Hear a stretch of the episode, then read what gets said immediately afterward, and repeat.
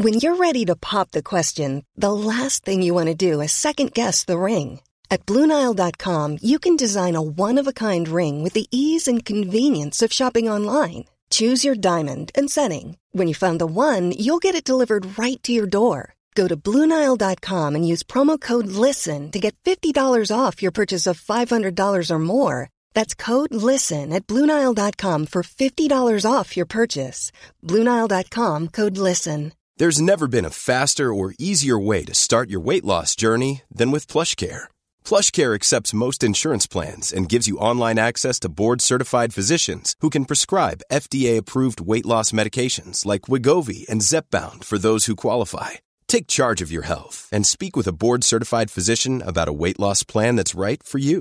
Get started today at plushcare.com slash weight loss. That's plushcare.com slash weight loss. plushcare.com slash weight loss.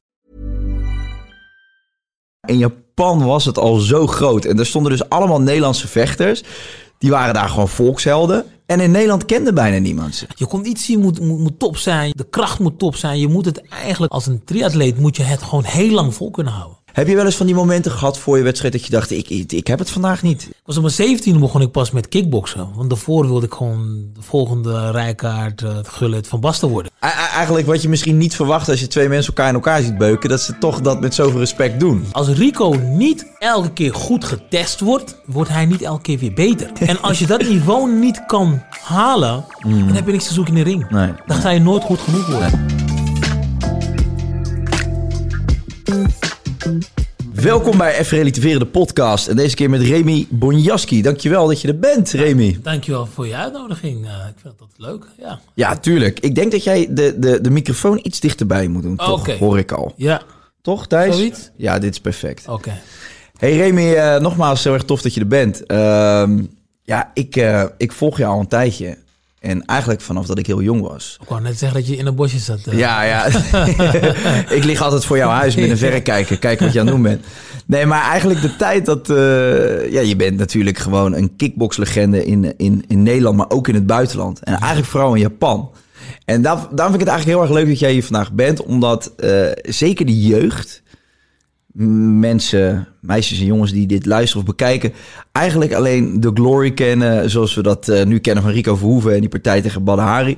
Maar niemand weet eigenlijk hoe groot de Nederlandse vechtsport was in, in Japan. In, eh, ja, wat was het? Begin 2000? eh, Nou ja, dat, dat begon eigenlijk al iets eerder. Ehm, in 1993 is de K1 gestart. Ja. En die is eigenlijk gestart met een aantal ja, toppers in, in- vanuit Nederland. Ja, Peter Aert was eigenlijk de eerste. En die is daar eigenlijk ook eh, ja, meteen heel groot geworden. En, en die wonnen elke keer de prijzen. Maar toen we uiteindelijk doorbraken ook in de rest van de wereld. Ja, dat was eind, eind 90.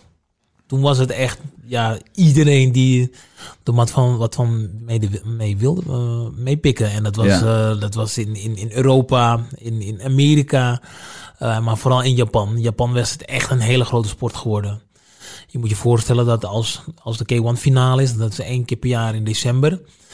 Ja, dan hebben ze, huren ze de Tokyo Dome af. En Ja. Tokyo Dome is een, st- een stuk groter dan de Amsterdam Arena. Daar konden gewoon 70.000 mensen in, toch? 70.000 mensen in en die zat helemaal vol. Alles binnen een, uur uitverkocht. Ja, dat was gewoon gek huis. Ja, maar dat vind ik zo leuk, omdat heel veel mensen denken van ja, kickbox is pas sinds een paar jaar eigenlijk populair en mainstream geworden. Het was vroeger altijd de sport waar heel veel criminelen op de tribunes zouden zitten en heel schimmig vond iedereen dat. Ah, dat- was de publieke opinie over de vechtsport.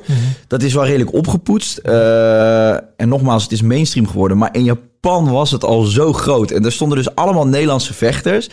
Die waren daar gewoon volkshelden. En in Nederland kende bijna niemand ze. Het is ongelooflijk. Heel Eh, raar. ja, als je, als je in, in, in Japan je prijs had gewonnen, in, in principe ja, schudde je daar de hand van de, van de minister van Sport. En Ja. dan werd je daar geëerd door allerlei burgemeesters. Je, je, je kwam met tv-programma's, eh tegen interviews per dag. En dan kwam je in Nederland en dan stond AT5 eh, je op te wachten. Ja. En dat was het. dat, is heel ongelooflijk. apart. Alle talkshows, wel, ja, daar werd je eigenlijk gemeden en, en niemand nodig je uit. Ja. Maar daar zat je gewoon, eh, ja, gewoon in de grote tv-shows. En dat was heel, heel gek was dat. Want we hadden nog steeds, net wat je zegt, het gevoel van... ja, eh, eh, kickboxers zijn criminelen. Het zijn ja, laaggeletterden. Ja. Ze snappen er helemaal niks van. En het zijn allemaal rare gasten. En daar werd je echt geëerd. Omdat het is ook een beetje een andere cultuur daar. Hè? Ze hebben echt een, een, een, ja, strijderscultuur. Hè? Samurai. En, en, en het is een eer om een samurai te zijn. Een vechter. Dus als je daar de ring in stapte... was je eigenlijk al meteen een held voor ze. Ja, en ja. ook al won je of verloor je... je was sowieso een held. En Dat, zit wat meer geworteld in de Japanse cultuur en de geschiedenis juist, van... want het, het publiek wat daar na- naartoe kwam, dat was van, ja, van de schoonmaker tot de CEO. Ja. Eh, van de, de huismoeder tot wat dan ook. Want je zag ook gewoon af en toe gewoon eh, dames eh, eh, ehm, ja, in, in de VIP bijvoorbeeld, met een baby op schoot en met het, met het flesje. Ja, Ja, dat is hier in Nederland is het ongekend. Want je moet bij bepaalde wedstrijden moet je hier 16 plus zijn. ja, ja. Dat is, dat is ongelooflijk. ja, wat bizar hè? Wat, we- weet jij hoeveel toeschouwers er waren bij de laatste partij van Rico en Badder? Eh, Voor 30 eh, 30.000 Moet je in, in Gelderdoom. En, dan, en toen vielen we allemaal achter van wauw, zoveel, wauw. En ja, dat, daar waren de Japanners niet wakker voor geworden. Nee, moet je nagaan, maar dat was het dubbele. Toen jij tegen Badder vocht, dat waren er gewoon 70.000. Ja, ja, Ongelooflijk vind ik dat nog ja, steeds. Ja, ja het, is, het, is, het is ongelooflijk. Ja, hier vallen we echt achterover van die cijfers. Dat we dachten van zo, Gelderdoom helemaal vol, wauw, ongekend. En Ja. eh, er werd zelfs gezegd van in de geschiedenis van, eh, van het kickboksen is dit nooit gehaald. Ja, dat, dat klopt niet. Nee, nee, dat klopt nee. niet. Nee, absoluut niet. Want eh, of we nou in eh, Tokyo Dome vochten, Osa- eh, Osaka Dome, ehm, Saitama Super Arena, dat zijn allemaal stadions. Gewoon plus 30.000, plus 40.000. eh, Daar begon dus- het bij. Daar begon het bij. Ja. En, en, en om even terug te spoelen, hoe kan het eigenlijk dat die, die, die Nederlandse kickboxers allemaal zo goed zijn of dat die zo vertegenwoordigd zijn in, in deze sport? Is, is, is kickbox van origine een soort van. Het is natuurlijk een mix van allerlei verschillende vechtsporten. Is dat door een, Nederlander bedacht ooit of hoe is dat tot stand gekomen eigenlijk? Dat Nee, het is, het is eh, kijk, eh, het, het is een beetje gepikt van het Muay Thai. Ja, uit Muay Thai, Thailand, Ja, Thailand. ja. Dat is, een, dat is, een, dat is een, eigenlijk een soortgelijke sport. Alleen gebruiken ze iets meer de knieën en iets meer de ellebogen. Precies. Nou, eh, het afgeleide is het kickboksen. Mag je alleen stoten en trappen. Trappen, naar, eh, trappen naar de benen, trappen naar het lichaam. En je mag de, de bokstechnieken uitvoeren. Boksen naar het lichaam, boksen naar het hoofd. En dat hebben ze, hebben ze eigenlijk, een- de Japanners hebben het een klein beetje gepikt. Hè, vanuit, vanuit Thailand hebben daar een beetje een systeem aan toegevoegd van eh, het karate, Kyokushinkai. Ja. En, en, en gemixt met Muay Thai en gemixt met het kickboksen. En dat, dat, is, dat is een sport wat eh, de, de, de westerse wereld dan gezien heeft en heeft het opgepikt. Ook in Amerika hebben ze het op die manier opgepikt. Ja, en dat, eh, dat, dat hebben ze populair proberen te maken. Dus in Japan is het kickboksen zoals we het nu kennen eigenlijk een beetje vormgegeven. ja, ja, ja, en, en het, het, is helemaal groot geworden nadat K1, hè, die organisatie, die heeft het helemaal groot gemaakt. Want ja, alles, alles was op dat moment eh, ja, K1. Wat, wat, wat, elk systeem wat vanuit het K1, eh, of het nou de rondes waren, want eerst was het vijf keer drie minuten bijvoorbeeld. Toen veranderde K1 het naar drie, drie keer drie minuten. Ja, Ja. Dat, dat was op een gegeven moment regel. Alles wat de K1 deed was regel. En, dat, eh, en dat was gewoon heel mooi. En dat, dat, dat, dat, dat hebben we allemaal mooi overgenomen. Ik vind het eh, nog steeds jammer dat die, dat, die, dat die organisatie ten onder is gegaan. Ja, want hoe is die, te- de- voor de mensen thuis, hoe is die eh, organisatie uiteindelijk ten onder gegaan? Want dat was groots. Het, het voelde als een heel succesvol Ja, toernooi. het was het Olympische Spelen van het, eh, van, van het, van het vechtsport. En Ja. dat, dat, dat was gewoon geweldig. En eh, je hebt er natuurlijk een aantal mensen. Hè, Mr. Ishii was de founder. eh, die, die begon met de, met de K1 in 93. Ja, En op een gegeven moment kwam er een, een andere CEO die, eh, die, de, die de sector zwaaide. En, en, en dat was de Mr. Tanigawa. En hij maakte er echt een, een show van. Alleen niet iedereen was daar heel blij mee. Wat hij deed is zeg maar... ehm, nou, bijvoorbeeld Akibono was een uh, sumo-worstelaar. En die was super populair daar. En hij wilde weten, wat doet een kickbokser, een kickbokskampioen... eh, tegen een sumo-worstelkampioen. ja, ja. Nou, de kijkcijfers schoten door de lucht. Het was echt niet normaal hoe... hoe Maar dat waren wel kickboxregels dan? Of, kickboxregels, ja. Kickboxregels. Ja. In de ring, knokken tegen elkaar. want je had ook die, sorry dat ik je onderbreek, eh, je had ook die gigantische Koreaan. Ja, uh, Hong Mang Choi. Die was 2 meter 18, heb ik ook tegen gevochten. Ja. En nou, dat soort types haalde hij naar de K1. Nou, de, de diehard fan, die vond dat niet zo, die vond dat niet zo leuk. Nee. Die zei van, hé, hey, wat krijgen we nou? Krijgen we nu een, circusshow met allemaal ja, rare freaks in, de, in, in, in, in, het- in het kickboksen. En dat vonden ze helemaal niet prettig. Dus die namen eigenlijk een stapje terug. Mm. Nou, op, op een gegeven moment hadden ze dat wel gezien. Hè, die gekke Koreaan, en dan weer een sumo-worstelaar. Dan eh, Bob Sepp, een, een Amerikaanse voetbalspeler die er eigenlijk niks van kon. Maar het was gewoon spectaculair om te zien. Eh, ja, en, en de, de technieken die vervaagden dan gewoon. Dus eh, hoge kijkcijfers, omdat de, de, de, ja, de normale man, de normale vrouw ging er ook naar kijken, omdat het spectaculair was. Maar de echte kickbox-technieken die vervaagden. Zonde, en, ja. en de echte fans, die, ja, die namen een ta- stapje terug. En op een gegeven moment ja, heb je hele hoge pieken en ook hele diepe dalen. En dat was eigenlijk het begin van het einde.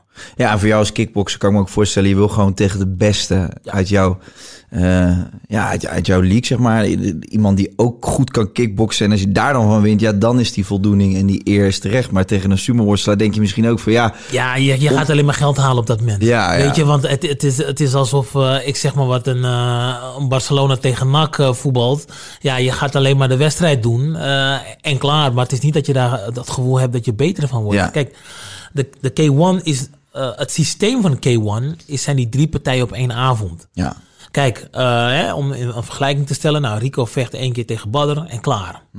Weet je, één wedstrijd. Ja. Maar je zou je moet je voorstellen dat ze nog een tweede wedstrijd die avond moeten vechten tegen een ander die ook al een wedstrijd heeft vervochten. met blauwe plekken Met en blauwplekken kneuzingen. en kneuzingen en pijn. Dat je eigenlijk al klaar bent. En dan wordt, komt, er, komt er nog zo'n vrouwtje de, de, de, de kleedkamer in die zegt van... Remy, you have to go again, weet je? Eh, en dan ga je tweede wedstrijd. Als je die wint, dan mag je ook nog de derde wedstrijd. En dat is de finale. En Hoe lang je- zit daar tussen? Nou, hooguit. Echt hooguit een uur. Hooguit een uur. En- wat doe je in, wat doe je in dat dat uur? dat- je wat je deed je op dat soort momenten? Het is dus klappen krijgen, klappen uitdelen. Nou, met de winst eh, de kleedkamer in. Je wordt letterlijk en figuurlijk opgelapt. IJs is je beste vriend. Ja.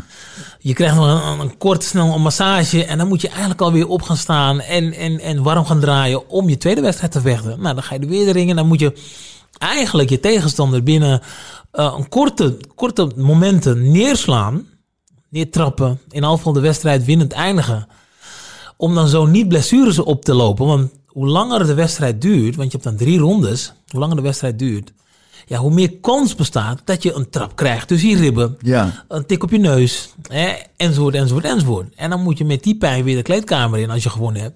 En dan mag je nog een derde wedstrijd vechten. Ja, Je komt nog net niet met de rolstoel binnen. Maar hoe vaak heb jij de K1 gewonnen? Drie keer. Drie keer. Dus jij hebt ook drie keer heb jij drie van dit soort partijen moeten spelen. ja, ja. Dus, dus zeg maar, was dan ook de tactiek dat je bijvoorbeeld bij de tweede of die derde wedstrijd dacht: oké, ik ga nu gewoon alles geven in die eerste ronde om het zo snel mogelijk te klaren? Of was je dan toch nog gedoseerd bezig met je conditie te verdelen? Wat was, wat was je strijdplan op Het, ligt, momenten? het ligt helemaal aan je tegenstander. Ja. Want je kijkt, vanuit de kleedkamers hadden ze allemaal tv'tjes. Die, was, die hadden een live verbinding met wat er in de ring gebeurde. Dus dan kon je zien van hoe jouw tegenstander, je, je eventuele toekomstige tegenstander, Ja. eh, het doet. Weet je, want je kijkt hoeveel trappen hij op zijn been heeft gehad. Of hij een paar tikken eh, is een keer neergegaan of niet. Al dat soort dingen zijn belangrijk om te beslissen van wat ga je doen. En, en je beslist eigenlijk ongeveer een, een, ik denk een kwartier voor de wedstrijd oké, wat voor tactiek gaan we uitvoeren. Dus jouw voorbereiding is, is, ja, is barbaar. Is, is, is, is gewoon Spartaans. Weet je, het is, het is niet normaal zwaar. Want je moet eigenlijk op alles... Je conditie moet, moet, moet top zijn. Je moet, je moet, de kracht moet top zijn. Je moet het eigenlijk als, als, een, als een triatleet... moet je het gewoon heel lang vol kunnen houden. Ja, bizar. Ja, is niet Eh, fant- maar fantastisch. Ik, eh, ik vind Ja. het echt van, van- mooie verhalen. Die K1, ik kijk soms die stukjes nog terug op, op YouTube. Het Mhm. is zo bombastisch. En het is, ja, echt, als je het hebt over sport, conditioneel gezien is dit... Ja, ik kan me gewoon bijna geen sport eh, voorstellen die heftiger zijn dan deze. Ook omdat je gewoon zoveel moet incasseren nog. Je bent niet alleen je, je conditie op de proef aan het stellen, maar ook gewoon je lichaam en je incasseringsvermogen. En dan 70.000 dolle Japanners Ja. die schreeuwen en zeggen meer, meer, meer. Het Ja, is niet en die, normaal. en die pijn, je moet over die pijn heen kunnen. Ja. Want je moet je voorstellen dat iemand jou een, een paar flinke trappen op je, op je dijbeen geeft. Het is alsof iemand met een knuppel gewoon constant op je, op je, op je dijbeen zit te, zit te hakken. Ja. En dat doet gewoon ontzettend veel pijn. Maar je gezicht, op dat moment moet je dus niet laten merken dat je pijn hebt. Nee. Want diegene gaat het vaker doen. Want dus, ja, dat is ook, als jij, als jij een low kick krijgt en je laat, je- vertrekt, wat lo volkomen logisch is, want dat zijn gewoon mokerslagen. Ja. Dan moet jij dus doen alsof je dat niet voelde. Omdat Ja, je dan alles weet, dan gaat hij heel tijd op datzelfde plekje schoppen. Ja, ja, waar die je ook raakt, of je, of je nou een gekneusde rib hebt en iemand slaat je, slaat je, op, je op je rib, die al pijn doet. Ja, als je dat laat merken, ja, dan weet je zeker dat je weer een, een tik erop krijgt. Ja, en dan is de wedstrijd afgelopen. Tra- Trainde jij daar ook zo specifiek op dat, dat je gewoon dus op je mimiek van je gezicht, dat je trainer jouw klappen gaf en dat je probeerde gewoon strak te blijven kijken? Of? Ja, eh, kijk, er wordt, wordt wel eens gezegd, de kampioenen, die worden gemaakt niet in de, in de, in de ring, maar in de dojo, in de sportschool. Ja. En, en dat is het ook. Daar word je op de proef gesteld. Want eh, als je je sparringpartners hebt, hè, kijk, je moet je voorstellen dat je aan het trainen bent, je hebt vier, vijf andere sparringpartners, dan ga maar in het midden staan. Eh, eentje valt je aan twee minuten lang zonder rust, wisselen, gaat de ander. En iedereen heeft rust, behalve jij. En zo moet je dus iedereen afwerken. En dat ja, eh, drie, vier maanden lang voor de wedstrijd, voor zo'n finale. Dan, eh, aan het einde van zijn voorbereiding dan zeg je, hey, kom maar, kom maar. Want je bent er klaar mee, want je wil gewoon die ring in. Want zoveel pijn heb je moeten doorstaan, zodat de wedstrijd makkelijker wordt. Zo, zo, zo'n gevoel moet je dan krijgen. Maar weet je wat ik dan denk, Remy? Ik kan me voorstellen dat je heel goed voorbereid en heel getraind en dat je conditie op peil is. Maar je hebt ook nog zoiets als dat mentale, zeg maar, op het moment dus dat die wedstrijd is of dat toernooi is. En je weet, als ik hem wil winnen, moet ik er dus drie spelen vandaag. Dat je dan toch die dag ineens ergens een pijntje voelt. Of denkt dan, oeh, heb ik nou hoofdpijn? Of eh, voel ik nou dit? Hoe, hoe ga je daarmee om? Omdat je gewoon weet, alles hangt van dit moment af. En dan moet je mentaal ook zo sterk zijn om gewoon... Heb je wel eens van die momenten gehad voor je wedstrijd dat je dacht, ik, ik, ik heb het vandaag niet. Ik, ik heb geen conditie. Ik, ik ben... Ik ben Eh, een, een, een, een, kickboxer, een, een, een goede kickboxer. Er is bijna geen, geen kickboxer die zonder pijn de ring instapt. Ja. Zonder blessures. ja, Hè, hè? En dan eh, in tegenstelling, tot bijvoorbeeld het, het voetballen of een andere sport, wordt er vaak, ja, heb je een beetje last van je rug? Nou, dan bel je af. Ehm, als je last van je, weet ik veel, van je tenen hebt, jongens, ga niet door. Wij worden geleerd in de dojo. Kijk, je hebt, je hebt twee handen en, en, en twee benen, weet je. Als je er eentje, eentje het zeer doet, ja, dan heb je er nog drie. Ja, Dat wordt gezien als, ja, je hebt nog zeker drie kansen. ja. Weet je, om een ander te raken. Dus op die manier wordt er gedacht. Dus er zijn momenten dat je denkt van, nou ja, ik heb geen conditie. Nou, dan moet je het binnen een minuut afronden. Ja, ja. Weet je, zo kan je het ook zien. Ja. Eh, kijk, eh, als, je, als, je, als je helemaal niks kan, helemaal niks meer kan, ja, dan moet je gewoon niet de ring instappen. Nee, nee, nee. Maar op, op het moment dat je, alles maar een klein beetje, als je nog iets kan, als je nog die ene stoot kan uitdelen, Ja, dan kan de wedstrijd dan afgelopen zijn. Dus al ga je de ring in en je hebt geen conditie, al ga je een beetje rondbewegen van links naar rechts, zodat je maar niet geraakt wordt. En je wacht op dat moment dat je die, die, die, die trekker over kan halen, haal hem dan over, ja, dan ligt de ander Ja. misschien. Everyone knows therapy is great for solving problems, but getting therapy has its own problems too, like finding the right therapist, fitting into their schedule, and of course, the cost. Well, BetterHelp can solve those problems. It's totally online and built around your schedule. It's surprisingly affordable too. Connect with a credentialed therapist by phone, video, or online chat, all from the comfort of your home. Visit betterhelp.com to learn more and save 10% on your first month. That's BetterHelp H E L P. En dan heb je toch gewonnen. ja. Ja. Ja, bijzonder. Ik eh, kan, me, ik kan me daar niet echt een voorstelling van maken hoe dat moet voelen als je daar... De catwalk oplopen. Ja, de de catwalk, de catwalk in Japan oploopt met Ja. 7000 mensen. Hey, ehm, wat ik me dus wel afvraag, jullie waren daar helden. Hè? Je, je hebt hem drie keer gewonnen. Je was, je was gigantisch in Japan. Kun je, kun je daar normaal over straat inmiddels? Is die... Nou, je moet, je moet het zo zien. Hè? ehm, neem een voorbeeld. ehm, als ik nu Marco van Basten zie, Ja. hè? ook een, een topper in het voetballen, zou ik niet als een dol op hem afrennen. Nee. Had, had me dat eh, een 20, 30 jaar, dan was ik eh, met grote ogen naar hem toegerend. Ja, Dus op een gegeven moment dan, ja, dan vervaagt je populair- populariteit. Ja. En dat, dat is nu ook zo. Ja. Dus ik, eh, hè, 20, 20 jaar terug, nou, dan kon ik daar niet over straat. Dan moest je om de 2, 3 meter moest je een handtekening uitdelen. En dat hoeft nu niet meer. Nee. nee, nee. nee. Maar heb jij nooit gedacht, omdat jullie daar wel ja, gewoon allemaal zo gewaardeerd werden als vechters. Heb je nooit gedacht om daar lekker te gaan wonen? Ja, Ja. ik, eh, het is me ja, heel duidelijk. Het is, me, het is me ook vaker gevraagd. Het is me ook vaak geadviseerd. Maar ja, eh, ik hou gewoon van Nederland. Ja. En ik ben hier opgegroeid. En eh, mijn kids hebben het hier geweldig. Het is hier goed geregeld. Buiten, buiten dat is de taal ook heel moeilijk. het Ja, Japans. klopt. Maar Eh, Japan is wel, ik ben daar ook geweest in Tokio. Ik, eh, als je het hebt over goed geregeld, Japan is natuurlijk Ja. ook extreem goed geregeld. Maar misschien wel iets te. Ja, ja het, is, het is super goed geregeld. Het is ook een mooi land hoor. Ja. Moet je eerlijk zeggen, elke keer als ik daar was, het eten is, eh, het is lekker. Het is, de, de mensen zijn super vriendelijk. En ik werd daar heel goed behandeld. Dus ja, ja de, over, de overweging is er echt wel. ik heb er wel over nagedacht. Ja. Maar het is, het is me nooit. ik heb er nooit echt gedacht van. Of dat een mogelijkheid is. Omdat ik heb het hier zo goed. Ik Mhm. heb het hier eh, naar mijn zin. En ik zou, ik zou echt wel. Ja, gewoon Nederland en mijn vrienden, kennissen, familie. zou ik echt wel gaan missen. Ja. Want, want was daar wel een, eh, een soort carrièreplan in Japan? Bijvoorbeeld dat je daar trainer werd of commentator? Of, of heb je daar ooit wel eens over nagedacht? Wat je dan zou kunnen gaan doen als je in Japan zou blijven wonen? Ja, ik, ik, ik denk dat ik als ik daar in Japan zou blijven wonen, zou zo iets op tv, zou ik geweldig hebben gevonden. Ja. En eh, ik denk ook meteen een sportschool beginnen, omdat ik de, Oh ja. de naam draag natuurlijk. En, en, en, en ja, dat mensen mij willen volgen. Ja. Dat zou ik geweldig vinden. Eh, maar er was niet een concreet plan. Maar dat waren wel dingen die ik zo- zeker zou doen. Wat, wat, het, wat het eerste wat je daar moet gaan leren is meteen de taal. Ja. Maar dat vinden ze wel een soort van belangrijk. En dat waarderen ze ook. Dus zo- zodra je zou zeggen eh, konnichiwa of dan... dan als, Ja, je, ja, ja. Als, je, als, de microfoon, als je de microfoon in je handen krijgt... Ja. als je zegt konnichiwa, hoor je hele zo... Oh, vinden ze geweldig, vinden ze leuk. Ja. Eh, En daarna ga je door in het Engels. Maar eh, al kan je een paar woorden in, in, het, in, het, in het Japans, dat, dat vinden ze geweldig. Dat waarderen ze ook. Dus Ja. het- ja, de taal zou ik het als eerste eh, onder de knie moeten krijgen. Hoe zou je de Japanse cultuur beschrijven? Wat is jou opgevallen in die jaren dat je daar bent geweest? Vriendelijk, nederig. Ja. en een klein negatief dingetje.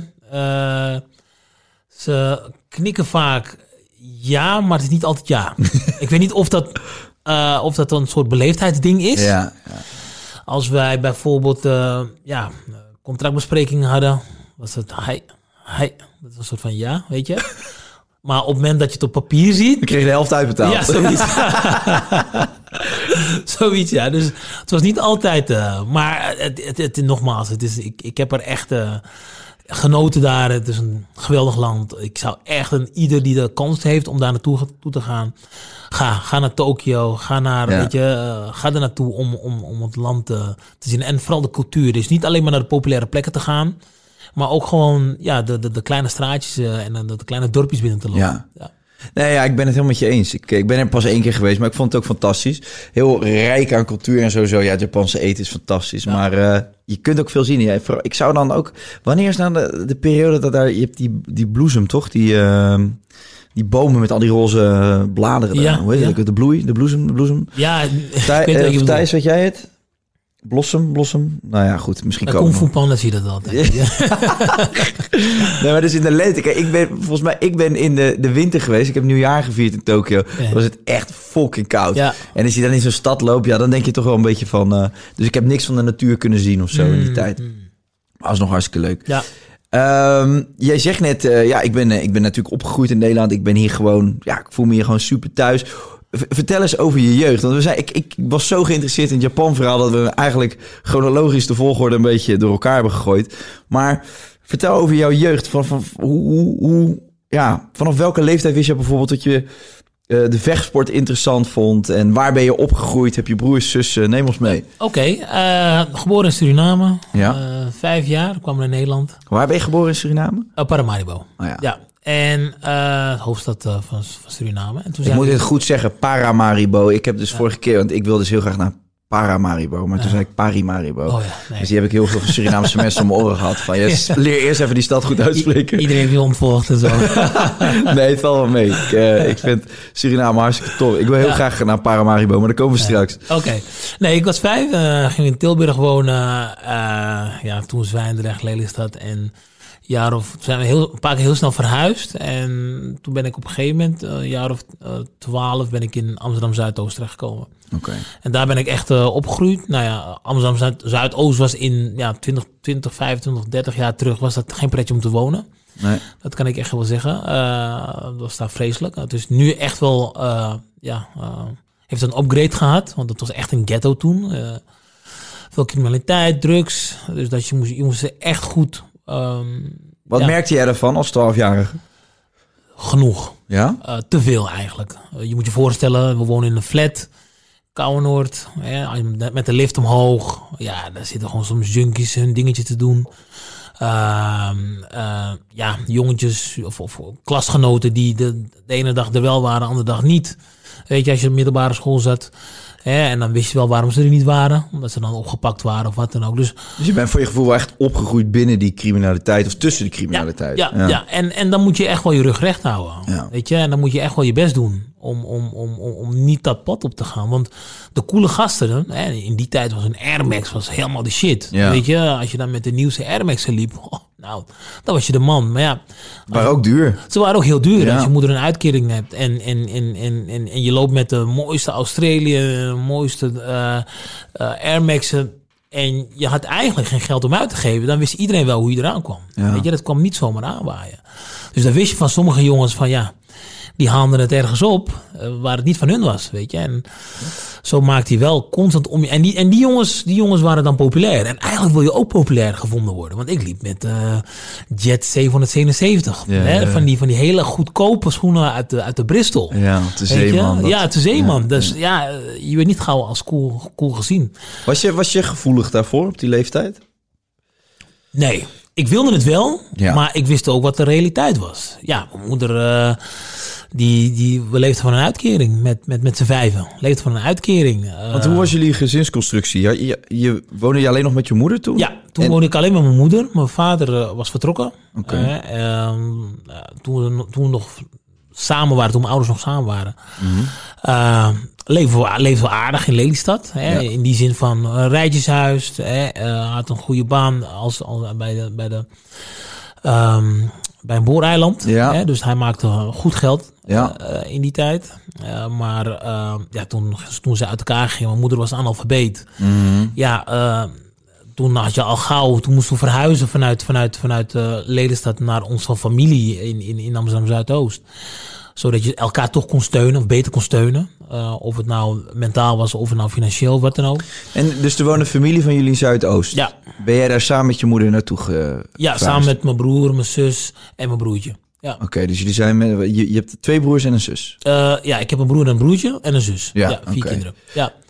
Ja. Ja, en, en, en, en, en mijn moeder dus. En eh, ja, was, was niet makkelijk. Was niet makkelijk. Want, kijk, ehm, je krijgt soms gewoon brieven thuis van, van ja, de deurwaarden in Instanties, ja. Instanties, met ja. blauwe en, en- enveloppen. ja, maar wat, eh, de kleur van de envelop vond ik niet zo, zo, zo erg. eh, maar wat erin stond, Ja. Weet je, eh, en dan bedoel ik, kijk, als er, als er nou gewoon heel simpel staat van je moet dit betalen in een normaal Nederlands, maar het staat ook gewoon in advocatentaal. Ja, ja. En mijn moeder was analfabeet. Je bent zelf een jaar of 12, 13 jaar. En dan moet je dat voor gaan lezen of, of in ieder geval gaan begrijpen en dan ook een keer uitleggen aan je moeder Ja. van ja, we moeten betalen.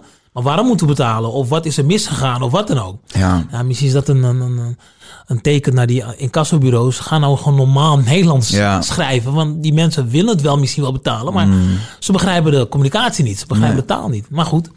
ehm, ja, dan, dan, dan, dan, dan, dan krijg je dat soort problemen al. Ja. Want dan, dan, dan staan ze soms voor de deur.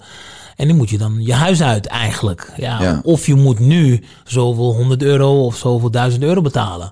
En dat creëert denk ik een, een enorme bel aan stress gewoon binnen het gezin. Ja. Omdat je gewoon altijd voelt dat, dat je achterna gezeten wordt door een instantie. En dat je nooit weet of je veilig bent eigenlijk. Ja, ja en kijk, eh, mijn moeder wist ook de weg niet naar hulpinstanties, weet je. Eh, en en, en dat, dat, dat maakt het wel moeilijk hoor, het leven. Kijk, eh, waar, waar ik nu mijn kinderen bijvoorbeeld nu een... eh, als zij zeggen van pap, ik wil voor kerst een, eh, een Playstation. Ah, dan is dat nu geen probleem. Nee. Maar in die tijd was je al blij als je drie onderbroeken kreeg. Ja. Weet je, voor, voor kerst. En, en dat was niet altijd even makkelijk. En, en ook op school. Hè, kom je op school en hey, je was gisteren jarig. Wat heb jij gehad dan? Want ik heb, toen ik jarig was, heb ik een, dit en dat gehad. Ja, en ik zal je eerlijk zeggen, ik heb er vaak nog over gelogen. Want je, je, je Ja, schaamde je, schaamde je. Dat is naar, man. De- Ja. de- ik, ik, ik merkte dus vroeger al... eh, je krijgt van je ouders altijd wat mee naar school, hè? Ja. Dus door een pakje wiki en een lichaam. Maar je zag, daarin kon je soms al eh, zien bij wie het dan ja, financieel goed ging of niet. Ja. En dus eigenlijk is dat heel pijnlijk, vind ik Ja. ook gewoon dat kinderen daar op jonge leeftijd al mee geconfronteerd worden en eigenlijk al de, de behoefte voelen om te liegen over iets, omdat ze zich anders schamen. Ja. Dat vind ik heel pijnlijk. En ik denk ook dat je dat de rest van je leven een soort van meeneemt. Mhm. Eh, die steekjes die je daar voelt en krijgt als kind. Nou, omdat ik weet waar ik, ik weet waar ik vandaan kom. Ja. Ik weet waar ik vandaan kom. En hoe, kijk, ik, ik kan ook heel makkelijk schakelen. Eh, als ik ooit in, in financiële problemen zou komen, hè, ook al zouden mensen neer op me kijken, zou ik kunnen schakelen. Ik zou kunnen denken, oké, ja, dan moet ik maar, eh, met alle respect, eh vuilnisman worden. Dan moet ik maar, eh, met alle respect, straatveger worden of wat dan ook, weet je. Dus ehm, ik weet waar ik vandaan kom en ik zou het niet moeilijk vinden zoals andere, misschien sterren of bekende mensen het moeilijk zouden vinden. Omdat ik, ja, ik... Ja, je weet wat, je, weet gewoon, ja, dat klinkt stom, maar je weet wat overleven is. Ja, le- letterlijk. ja, ja, ik- want, jouw moeder had dus vier kinderen, had een, een, een, op dat moment een uitkering of Uitkering, ja. ja. Ja, en dan moet je dus vier monden voeden en die van jezelf, dus eigenlijk gewoon vijf. En je weet er- ook de weg niet in Nederland zo goed eh, dat als dat je zou willen. En, Ja. en, en er waren gewoon momenten dat zij zei van eten jullie maar, eten jullie maar. Want ja, Oh. dat was niet genoeg. Weet je, maar ze heeft me wel altijd bijgebracht van hoe moeilijk het ook is, hoe zwaar het ook is, we komen eruit. En dat, dat is je moeder wel- nog bij je? Nee, nee maar beide ouders zijn niet meer. En eh, allebei overleden aan kanker. Maar ze heeft me wel heel veel bijgebracht. Weet je, voordat Mhm. ze heen ging. Ze heeft me wel laten merken van... eh, je moet altijd blijven strijden. En dat is, dat is eigenlijk in de lijn van ook waar ik vandaan kom. Ja. Hè, eh, de, de, Surinaamse mensen, hè, die zijn natuurlijk als slaven zijn ze in Suriname Mhm. gekomen. En dat waren ook allemaal ja, eh, krachtige, sterke mensen. Weet Ja. je, die... En, en, en, en, ja, mijn, mijn, mijn, mijn, mijn, mijn overgrootvader, mijn naam komt daar ook vandaan. Hè? Ja. Want wij spreken het uit als Bonjaski. Ja. Maar Bonjo Naskin, een sterke bottenman. Zo werd, mij, zo werd mijn over, over, overgrootvader genoemd. Ja. Grote, sterke kerel. Hè? Je hoort dan Sterke botten, man. Ja, ja, je hoort, je hoort dan die verhalen van eh, hè, als er een boomstam geteeld moest worden, dan pakt hij hem even zo in één arm. Hè. Was dat jouw opa die dat deed? Ja. Ja, ja dus die, die moest dan even zo'n boomstam ver- verslepen. Dat deed hij gewoon even. En eh, zo is dat ook in mijn hele familie. We zijn allemaal best wel ja, Mhm. sterke gasten geweest, grote sterke gasten. Ja. En, en, en, en als ik dat dan zo meekrijg van mijn moeder, van hey, maak je niet druk, blijf doorstrijden, blijf doorgaan, want er komt een moment dat het wel goed zal gaan. En dat heb ik altijd meegenomen, of het nou is in mijn wedstrijden, of het nou is in mijn, eh, in mijn bedrijven, of het nou is in wat ik doe. Ik blijf dat meenemen van het komt wel goed. Jouw- We jouw- blijven gewoon doorgaan. Jouw moeder is eigenlijk gewoon jouw trainer geweest. Nou ja, heel, ja me- mentaal echt wel. Ja, mentaal. Ja, En eh, ja. ja. mooi. Hoe oud was je moeder toen je overleed? Ehm, toen ze overleed was ze 56. Oké. Ja, dat is heel jong. En hoe oud was jij toen?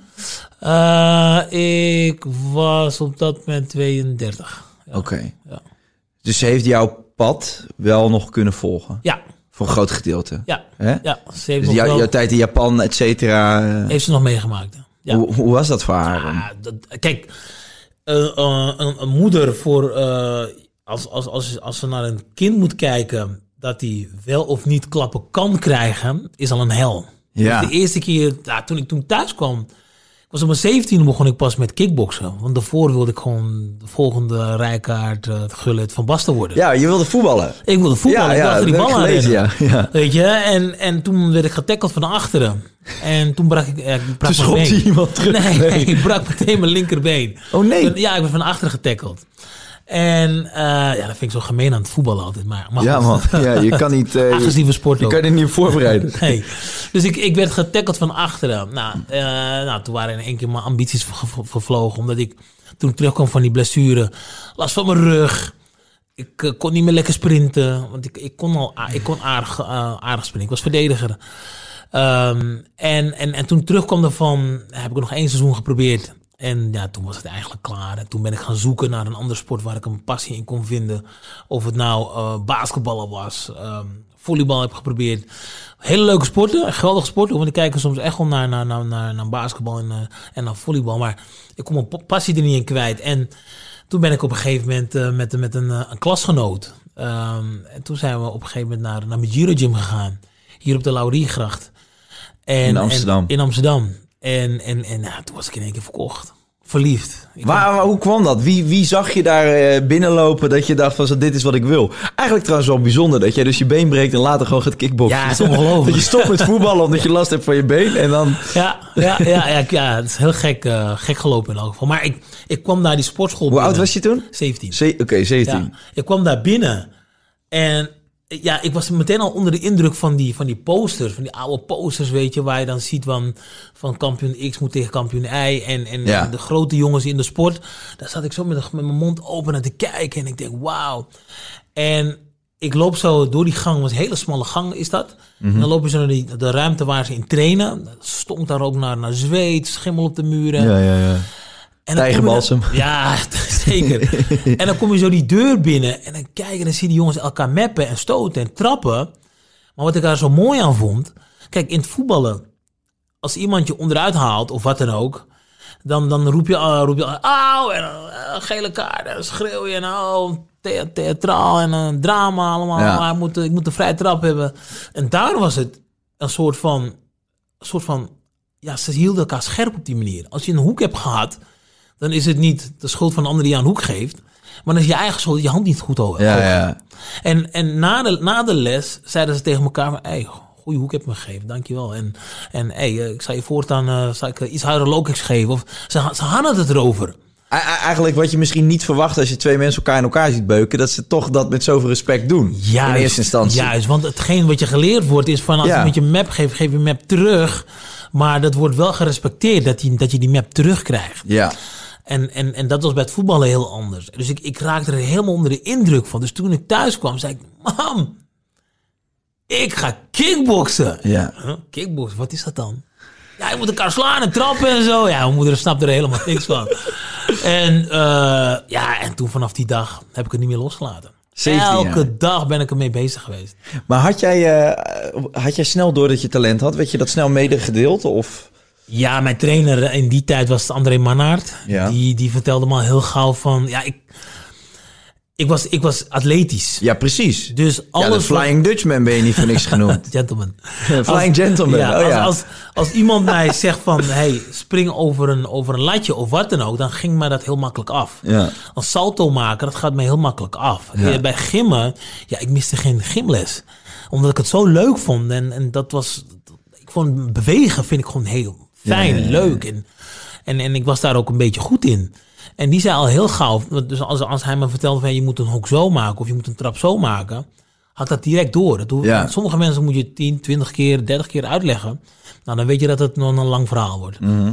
Maar iemand die één of twee keer moet uitleggen hoe een stoot moet, of hoe een trap moet, of hoe je een bepaalde beweging moet maken, ja, dan praat je al gauw over talent. Ja.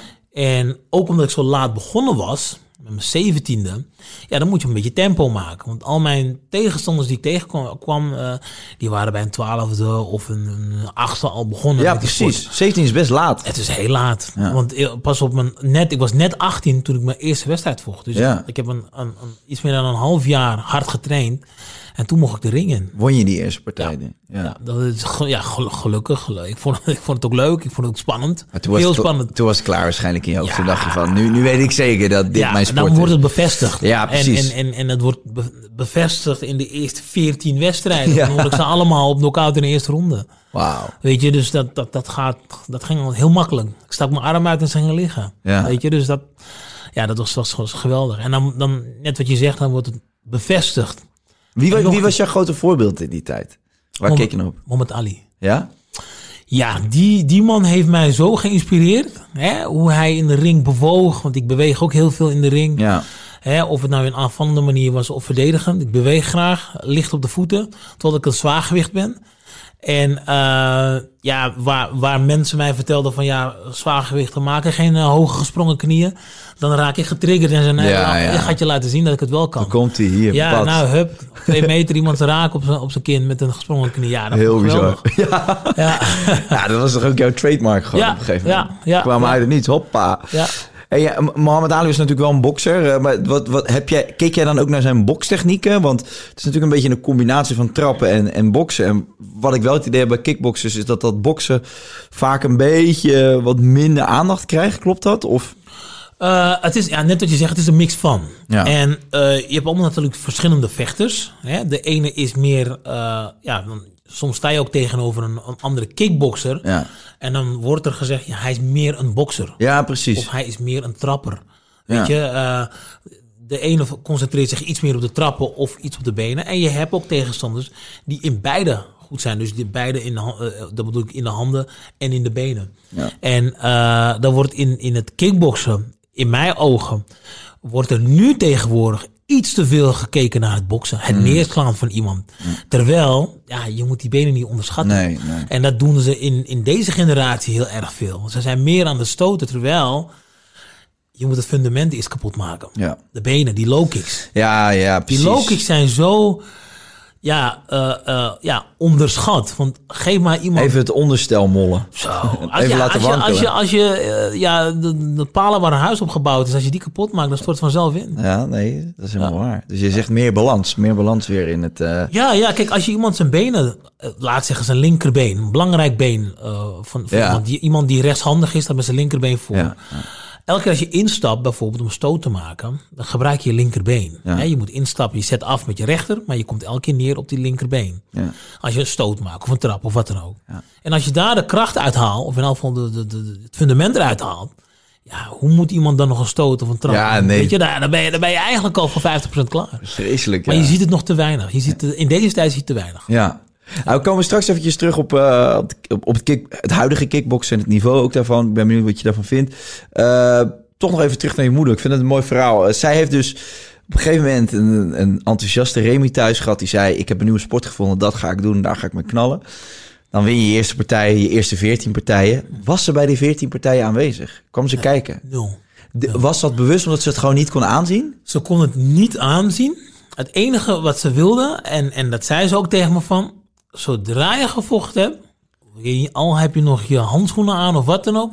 je gaat mij eerst bellen en vertellen dat je het goed met je gaat. Ja, ja. oh. Dat was het enige wat ze wilde weten. Want ze wilde weten of ik ongedeerd de ring uitkwam. Ja, Ja, ja, het is, ja ik ben het zoontje. Dat, dat, dat, dat, eh, weet je, ze wil dat het goed met me gaat, met mijn gezondheid. ja. Dus omdat het is een harde sport. Het is een keiharde sport. Eh, en eh, op het moment dat je die ring uitkomt, wil je eigenlijk even relaxen, even een broodje pakken, even wat drinken, even een babbeltje maken met vrienden, even aanhoren, aanhoren van hoe goed je het hebt gedaan. Dat wil je eigenlijk horen. Hoe heette je moeder? Margreta. Ja. Maar je moest Margreta bellen. Ja, ja en, die, en die, die, die, die belde ik dan ook. Hè? Ik gehoorzaamde wel gewoon. eh, Bellen meteen en vertellen van het goed gaan is. En dat, ja, dat het eerste wat ze ook vraagt, weet je, hoe is het met je? Ja. Ik wilde vertellen, ja, in de eerste ronde en toen sloeg ik hem dit en hij was sterk. En, weet je, maar je bent heel enthousiast, maar ze wil eigenlijk alleen maar horen van, hoe gaat het? Ja. nee, het gaat goed, man. Ik kan me wel voorstellen dat voor mo- ouder, eh, voor vader misschien, maar voor moeder denk ik nog wel meer moeilijk is om te zien. Want je ziet, je kind heeft ergens heel veel talent voor en heel veel plezier in. Maar je, je vindt het gewoon moeilijk om je kind pijn te zien lijden. Eh, dus dan is het moeilijk om naar die wedstrijden te kijken. Terwijl je ze ook heel erg wil supporten. Ja. Hoe ging dat toen jij op een gegeven moment echt wel op het niveau kwam... dat je trainen en de mensen om je heen zeiden... Remy, je hebt echt talent, je gaat een groter worden. Eh, veranderde dat iets aan, aan het verhaal voor je moeder? Nee, bij mijn moeder niet. Bij mijn moeder is het eigenlijk nooit veranderd. Ze Is nooit geweest naar Japan? twee, nee, nee, naar Japan niet, maar ze is twee keer naar een wedstrijd van me komen kijken. Twee keer. En, en dat was ook eh, vooral de, de. Even kijken. De eerste keer dacht ze van: ah, ik kom nooit meer kijken. Dat was mijn vijftiende wedstrijd. Toen was ik een beetje laks geworden. Hè? Ik had 14 partijen gewonnen, eerste ronde. Ja. En ja, toen dacht ik een beetje dat ik de man was. En, en Ja. niet, ik was gewoon niet scherp. Ja. In de voorbereiding gewoon niet scherp. Eh, doen alsof ik eh, al een ster ben. Nou, dat ben je nog lang niet. Welke leeftijd was dit? Uh, toen was ik zo 24, 24 was ik. Ja. Je had het net even iets te makkelijk gehad. Je moest even Net wat even weerstand. te makkelijk, ja. ik moest, en, en, die- en in die wedstrijd, toevallig kwam die dag mijn moeder ook kijken. Ja, oh. En dat brengt een extra spanning. Ik kreeg vijf rondes lang pak slaag. Ja. Van een tegenstander die Tegen wie was dat? tegen Jeroveniciaan. Oké. Ja. Eh, hij heeft me vijf rondes lang pak slaag. Kijk, hij, hij was... Ik werd eigenlijk heel snel al voor de leeuwen gegooid. Omdat Hmm. ik al... Ja, eh, je wint heel snel. Ja, dan krijg een andere leeuw. Oh, die pakt hij ook. Oh, dan krijg je Ja. weer een ander. Te- snel omhoog gegaan. Ik was ook in vijf wedstrijden was ik A-klasser. Waar sommigen gewoon eh, jaren over doen. Zat ik binnen Ja. Mhm. een, een anderhalf jaar was ik A-klasser. Nou, eh, en dan sta je dan ook tegen die Gerald Venetiaan. En, en geluk was op dat moment dat hij zich volledig kon richten op de sport. Ja, Ik was nog on- ondertussen bij, werkte toen bij de ABN AMRO. ja, ja. Weet je, eh, weet je, dus dan, dan Ja, je- want hoe werkten die verdienmodellen destijds? Want je had natuurlijk gewoon je, wat sponsoren, denk ik, en toernooigeld. Nou, oh, tot mijn 25ste had ik, dus tot die, eh, de, de 15e wedstrijd, Ja. met die 15e wedstrijd had ik nog geen sponsor. Nee. Dus dan, Maar kreeg je dan wel wat geld betaald als je zo'n toernooi won? ik, ik zal het heel kort uitleggen. Eh, je, je begint zeg maar als nieuweling, hè, ben je boven de eh, 16 jaar in die tijd, was boven de 16 jaar, dan ga je ook echt naar het hoofd stoten en dan ben je een nieuweling. Nou, bij een nieuweling, dan vecht je alleen maar een beker, om een beker. Nou, die beker is misschien eh, 12, 13, 14 centimeter groot. Nou, en dan heb je daar zes weken voor voorbereid. Nou, dan ga je de ring in, je vecht je wedstrijd, je wint. Nou, en dat gaat vijf, zes, zeven wedstrijden gaat dat zo door. Nou, heb je die gewonnen, dan beslis je met, samen met je trainer of je naar het volgende niveau mag. En dan ga je naar de C-klasser. Ja. Nou, je C-klasser, nou, vecht je daar zo'n 7, 8 wedstrijden en dan win je de meeste wedstrijden. Dan mag je naar de B. En nou, in de C-klasse wordt die be- beker misschien een 16 centimeter. Nou, eh, en dan ga je naar de B-klasse en daar ga je je eerste centen verdienen. Ja, precies. En dan praat je over een, nou, in die tijd 125 gulden. ja. Dat is niks. Nee, dan Dat moet, je, nul. dan moet je wel nog bij Daar werken moet je dan. bij werken, ja. Nou, eh, in die tijd kom je dan ook in de A-klasse. En een A-klasse is het hoogste niveau. Ja. En je hebt natuurlijk beginnende A-klasse, of een gevorderde A-klasse, of een, een kampioen A-klasse. Er is nog een klein beetje verschil in. Nou, bij beginnende A-klasse, eh, in die tijd verdien je dan ongeveer zo'n 500, 600 gulden. Ligt er ook aan hoeveel tafels je verkocht en hoeveel kaarten, hoeveel mensen erop afkomen. Dat hangt er ook een beetje vanaf wat je gaatje dan is. En als je verdien je 500 gulden, en dat is nog lang niet genoeg. Nee, nee, nee. Dus voordat je bij de hè, al geïnvesteerd hebt in moeite, tijd, trainingsuren, en al, dan, dan heb je echt nog je werk nodig ook om jezelf te supporten. Ja. Krijg je dan een, een, een, een, of een contract bij een grote organisatie waar je wel eh, geld gaat verdienen om jezelf te kunnen onderhouden en twee keer per dag, soms drie keer per dag te kunnen trainen, dan is dat prima. Maar voor die tijd moet je gewoon nog werken. En dus ik werkte gewoon bij de ABN AMRO eh, vijf, vijf dagen in de week. En dan kon ik maar drie, hooguit vier keer in de week trainen. Nou, die Gerald, die kon gewoon 15 keer in de week trainen. Ja, ja. en, en, en dan had hij ook talent en ik ook. Maar ja, als je talent ontwikkelt, Mm. ja, dan, dan, dan, dan, dan, dan ben je gewoon veel beter. Ja, En precies. ik kreeg dan ook vijf rondes per van die jongen. Ja. En dat was ook terecht. Ja. En dat was het moment voor mij dat ik met mijn trainer nou een sponsor moest gaan zoeken van... oké, wat gaan we nu doen? We Ja. kunnen halfbakken gaan trainen en het allemaal doen op mijn talent. Maar dat gaat niet worden. Dus als ik de top wil bereiken, heb ik gewoon een sponsor nodig. Ja, precies. En, en toen uh, een, een, een vriend van de sportschool had een horecazaak. En die zei van, ik ga jou steunen. Ik ga je helpen. Stop met werken. Het enige wat ik wil zien is dat jij straks met die K1-belt om je, om je middel zit. Tof. En, en, en dan, dan, dan, gaat het ook uh, dan gaat het goed komen. Nou, en ik was 25 toen ik uh, volledig uh, ervoor ging. Hè, dat ik mijn werk aan de kant zette. Iedereen verklaarde me ook voor gek. Mm. Ik had een vast contract bij een grote bank. Ja. En dan zeggen van, uh, oké, okay, ik, ik stop ermee jongens, uh, ik ga het avontuur aan. Wat zei je moeder op dat moment? Die zei ook van, je bent gek. ik ben één wedstrijd komen kijken, je kreeg pak slagen, je gaat nou je werk opzeggen. Wat is dit ja, dan? Ja, ja, ja, want ik, op dat moment heb ik, had ik besloten van, oké, okay, ik stop ermee. Ik, uh, ik ga het avontuur aan. Ja. Ik, achteraf, ja, ik zou het gewoon weer doen. Wat fantastisch. Het was, het was, het was ja, een van mijn betere beslissingen die ik ooit gemaakt heb. Ja, en de rest is geschiedenis, ja, kunnen we wel zeggen. Ja, ik bedoel, ja, je... ja want, want, twee jaar daarna was ik, was ik 27. En toen was ik, uh, was ik uh, K1-kampioen. Ja, man. Alles gewonnen wat je kon winnen op dat moment. Op het hoogste niveau. Ja, echt heel indrukwekkend. En ik vind het uh, mooi om te horen dat je moeder dat proces toch nog heeft kunnen volgen. En dat eigenlijk uh, ja, je moeder je ook wel veel heeft uh, bijgebracht. En wat je later ook gewoon in je carrière toch nog hebt kunnen gebruiken. Ja, zeker. Ik, ik ben er, ja, voor elk moment dat, ben ik haar dankbaar. Kijk, en dan niet alleen maar dankbaar dat zij mij uh, de kracht heeft gegeven en geholpen. Want er zijn ook momenten dat zij, moest, dat zij mij moest disciplineren. Weet je, uh, op, er zijn sommige momenten. Kijk, kijk ik, ik, ik ben geen boef of dief of wat dan ook. Maar ik, iedereen heeft wel eens een keer een snoepje gestolen. Ja, tuurlijk. Weet je, nou, ik, uh, de, eerste snoepje wat ik stal was, was ik 14 jaar. Ja. Uh, bij de HEMA, een stuk chocola heb ik daar gestolen. Hè, uh, dan loop je naar buiten, word je opgepakt. Nou, meteen in een handboeien. Bij 14 jaar moet je een, een uur, vier uur in een politiecel gaan zitten. Ja. En, en ik kom dan thuis. Ah, jongen, ik heb een pak slaag gehad, Ja, ja, ja. En daar begon de training, ja. ja. Ik heb een slaag gehad, jongen. En, en, en dan, dan achteraf, hè, echt op zijn Surinaams, met een, met een riem, weet je. Ja. Flink pak slaag gehad. Ik ben haar echt wel, gelo- geloof me, ik ben het dankbaar. Ik zal Ja. mijn kinderen nooit slaan. Dat heb ik altijd gezegd. Ik ga mijn kinderen nooit slaan. Maar eh, heb ik ook nooit gedaan ook. Maar ik, ik ben wel dankbaar voor die dag dat zij mij Mm. die pak slaag heeft. Want we zijn niet allemaal hetzelfde. Voor hetzelfde geld had ik niet die pak slaag gehad. Had ik niet die pak slaag gehad. En had ik het weer, was ik het weer gaan doen. ja. Weet je? En, En zeker in een omgeving waar je al omringd wordt door criminaliteit, is de Juist. stap dan eh, natuurlijk snel juist, gezet. Juist, ja. juist, ja. ja, sommigen hebben die pak slaag gewoon nodig. En ik had, Ja. hem, ik had hem die dag nodig. Ik heb nooit meer wat aangeraakt wat niet van mij is. Oké, Ja. mooi. Hey, even over, eh, over de huidige ehm, ja, kickbox scene, zeg maar. Er wordt altijd een beetje... Kijk, die K1-periode was fantastisch. Met eh, ja, grote namen. Jij was daar, eh Badr Hari, eh, Peter Aarsem, Peter Gogo Saki, Hoos, volgens mij. eh, ook, ja. ja. echt, echt fantastische vechters. Allemaal stuk voor stuk. En Nederland was gewoon het land waar alle grote talenten vandaan kwamen.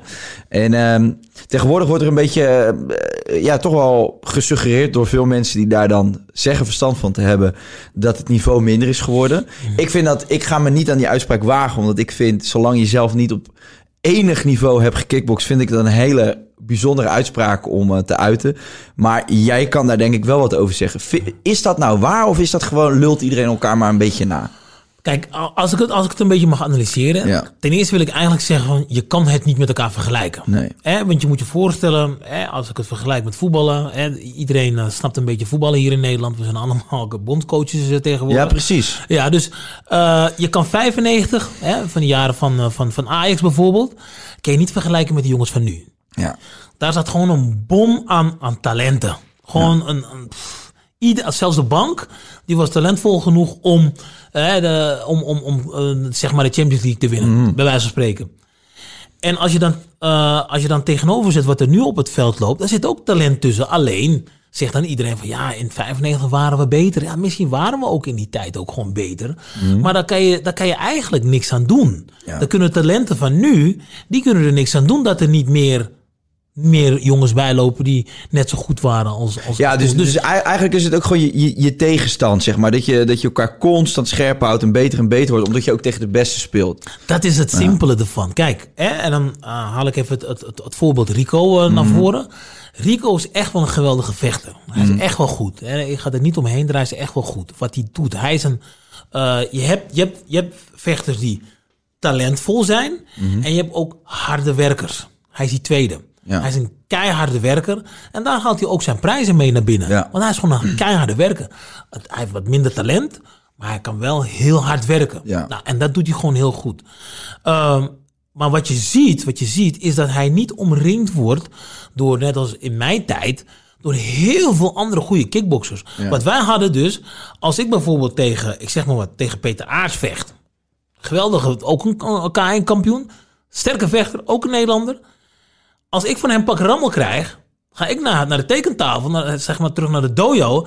En dan gaan we uitdokteren hoe we wel van hem Ja, kunnen precies. winnen. Nou, Rico heeft al die jaren amper nog tegenstand gehad. Hij heeft eigenlijk alleen wat tegenstand gehad. Dus uh, zo'n beetje twee, twee, twee, twee jongens. En dat is Badr Hari en dat is Jamal Ben Sadik. Ja, precies, Dat zijn eigenlijk de enige twee die hem een klein beetje tegenstand hebben Ja, gegeven. Nou, ja. als je kijkt naar Badr. Badr, nou, met alle respect, zit een beetje in zijn nadagen. Hij is wat minder snel als destijds. Mhm. Ja, gewoon ook tijd- leeftijd, ja, toch? Ja, het is gewoon leeftijd. Hij is nu... Maar mij- wanneer, wanneer ben je op je top als kickboxer, denk je? Qua leeftijd? bij, bij de, bij de zwaargewichten zit dat rond de 30. Dus, dus rond de 30. Rond de 30, ja. Dus eh, ik was 27 toen ik mijn eerste titel binnenhaalde. Ja. Nou, 28 mijn tweede titel. En in, toen ik 32, eh, t- t- 32 was, was ik met, met mijn derde titel. Ja. Dus rond de 30ste ben je echt wel op je, op je kracht. Ja. Dan ben je echt wel op zijn kracht. Nou, sommigen hebben dat iets eerder.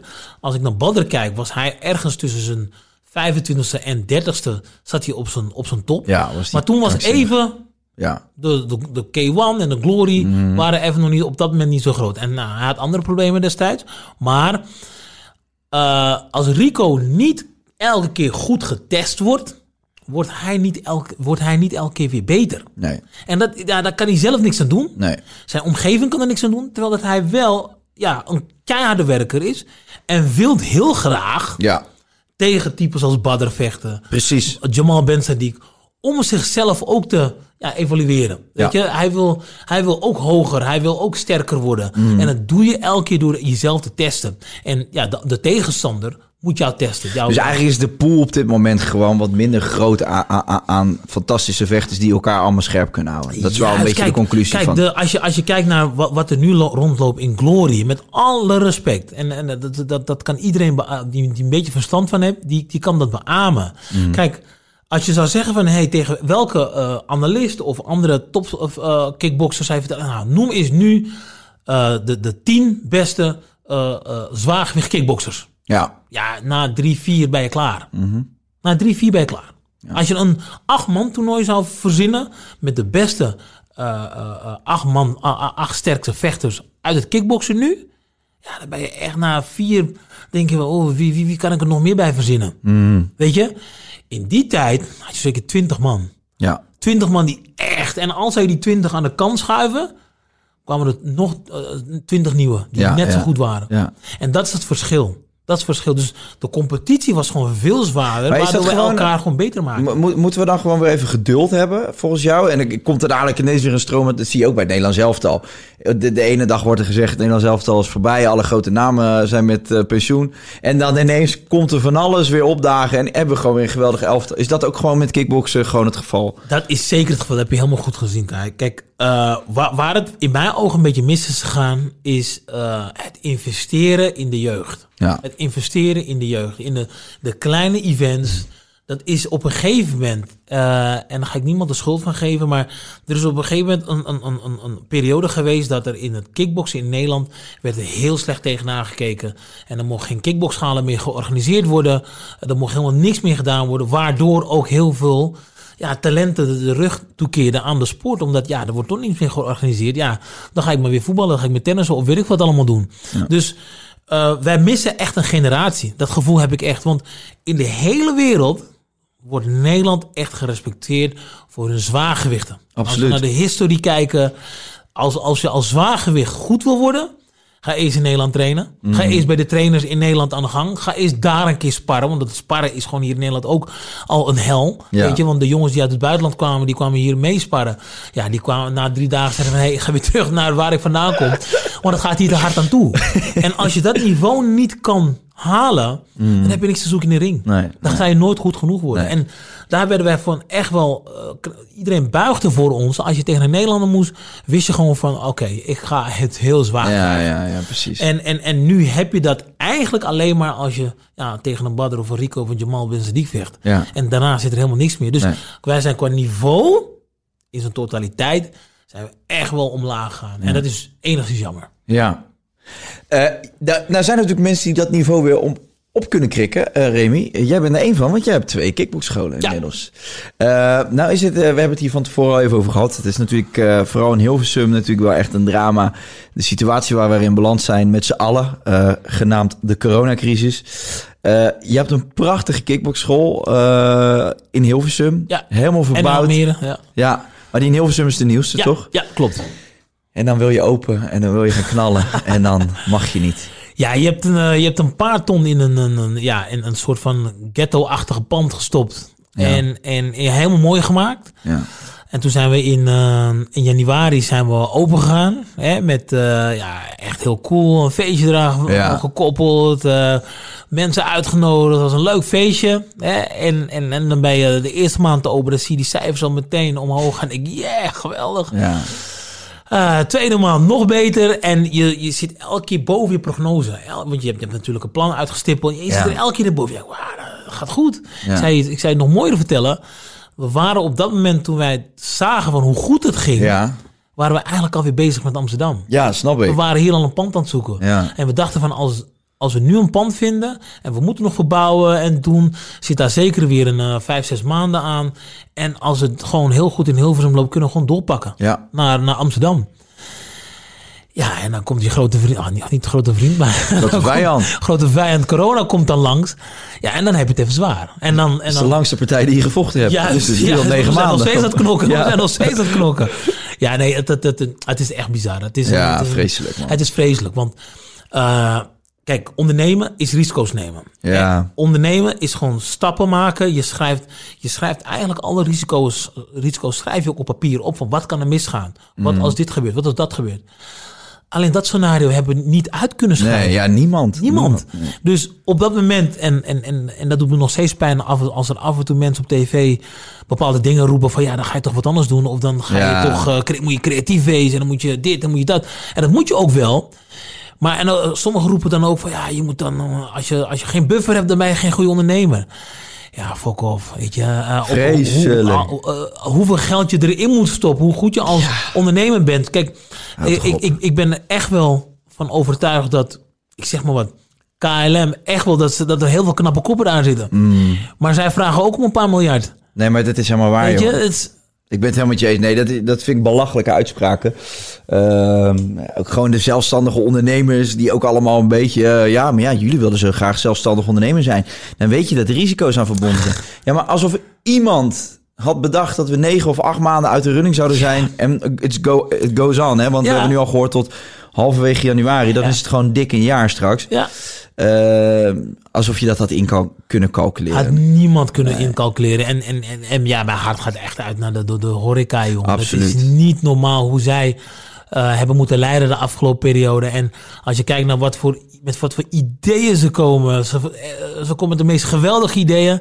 En dat wordt gewoon van tafel geschoven. Ja. En er wordt volgens voor mijn gevoel niet eens over nagedacht. Nee, nee ik, eh, ik voel dat ook. Ik voel dat het allemaal heel erg één richting is. Ook in de publieke opinie over dit onderwerp. En dat mensen het ook heel lastig vinden om zich erover uit te spreken. Terwijl ik gewoon denk, ja, maar de Je mag, toch je, schade... mening, je mag toch je mening Ja hebben? joh, inderdaad. En de schade die het oplevert voor mensen die, eh, die hun baan kwijtraken... of een onderneming, die is enorm. Ja. Dus eh, ik, eh, ik, ik ga je toch alle succes wensen. Want we zitten op een uur. Oh, dat Eh, gaat snel. ja, met, eh, met je sportscholen. Dus, dus voor de mensen thuis die willen gaan kickboksen, geïnspireerd zijn door Remy Mojaski. als het straks weer open gaat en je woont in de buurt van Hilversum, ga daar lekker langs. Ja, Amersfoortweg 125. Hoppa, zeg het maar gewoon. En Ja. in Almere, waar zit je in Almere? In Almere eh, zit op de Markenkant. Hè, dat is dicht bij de praxis. Iedereen kent de grote praxis in Almere stad. Ja. Hè, dus eh, ja, voor, voor jong en oud, vanaf zes jaar kan je daar terecht. En dat is niet alleen maar voor de wedstrijdvechters. Hè, Almere of Hilversum. eh als je recreant bent of gewoon eh, met een bepaald motief binnenkomt. We komen allemaal binnen naar de ene zegt van hey, ik wil wel wedstrijdvechter worden. De ander zegt van ik wil van mijn gewicht wat minder. De ander zegt van ik wil, ik wil alleen maar techniek. Ik wil alleen maar bezig blijven. Het, het maakt allemaal niet uit. Nee. Iedereen kan daar terecht. Dus je staan allemaal welkom. Man, vrouw, kind. Te gek. Maakt niet uit. Top. Hey Remy, ik wil je vriendelijk bedanken voor je openhartigheid. Ik vond het heel erg leuk dat je er was. Ik hoop jij ook. Ja, En, zeker. eh, ik eh, vond het heel gezellig met je, Kai. Oké, top. Succes de komende tijd. En lijn je gek maken. Nee, zeker niet. Ja, ook succes. Oké, ciao. Oké, doei, doei.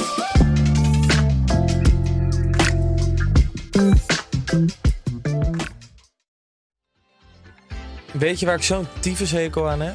Toeristen, als het te druk is in de stad, zelf koken. Ja, alles wat je nu zojuist benoemt. En daarom maken jij, denk Daan Hogevorst, En Robert Rodenburg. een podcast waarin we alleen maar klagen. Want klagen is HET medicijn tegen het collectieve leed wat maandag heet. Dus elke maandagochtend een nieuwe te horen op je favoriete podcast-app. Maandag Klaagdag! Jezus, zingen moeten wij nooit doen. Planning for your next trip? Elevate your travel style with Quince. Quince has all the jet setting essentials you'll want for your next getaway, like European linen, premium luggage options, buttery soft Italian leather bags, and so much more. And it's all priced at 50 to 80% less than similar brands. Plus, Quince only works with factories that use safe and ethical manufacturing practices. Pack your bags with high-quality essentials you'll be wearing for vacations to come with Quince. Go to quince.com slash trip for free shipping and 365-day returns. Even when we're on a budget, we still deserve nice things. Quince is a place to scoop up stunning high-end goods for 50 to 80% less than similar brands. They have buttery soft cashmere sweaters starting at $50, luxurious Italian leather bags, and so much more. Plus, Quince only works with factories that use safe, ethical, and responsible manufacturing. Get the high-end goods you'll love without the high price tag with Quince. Go to quince.com slash style for free shipping and 365-day returns.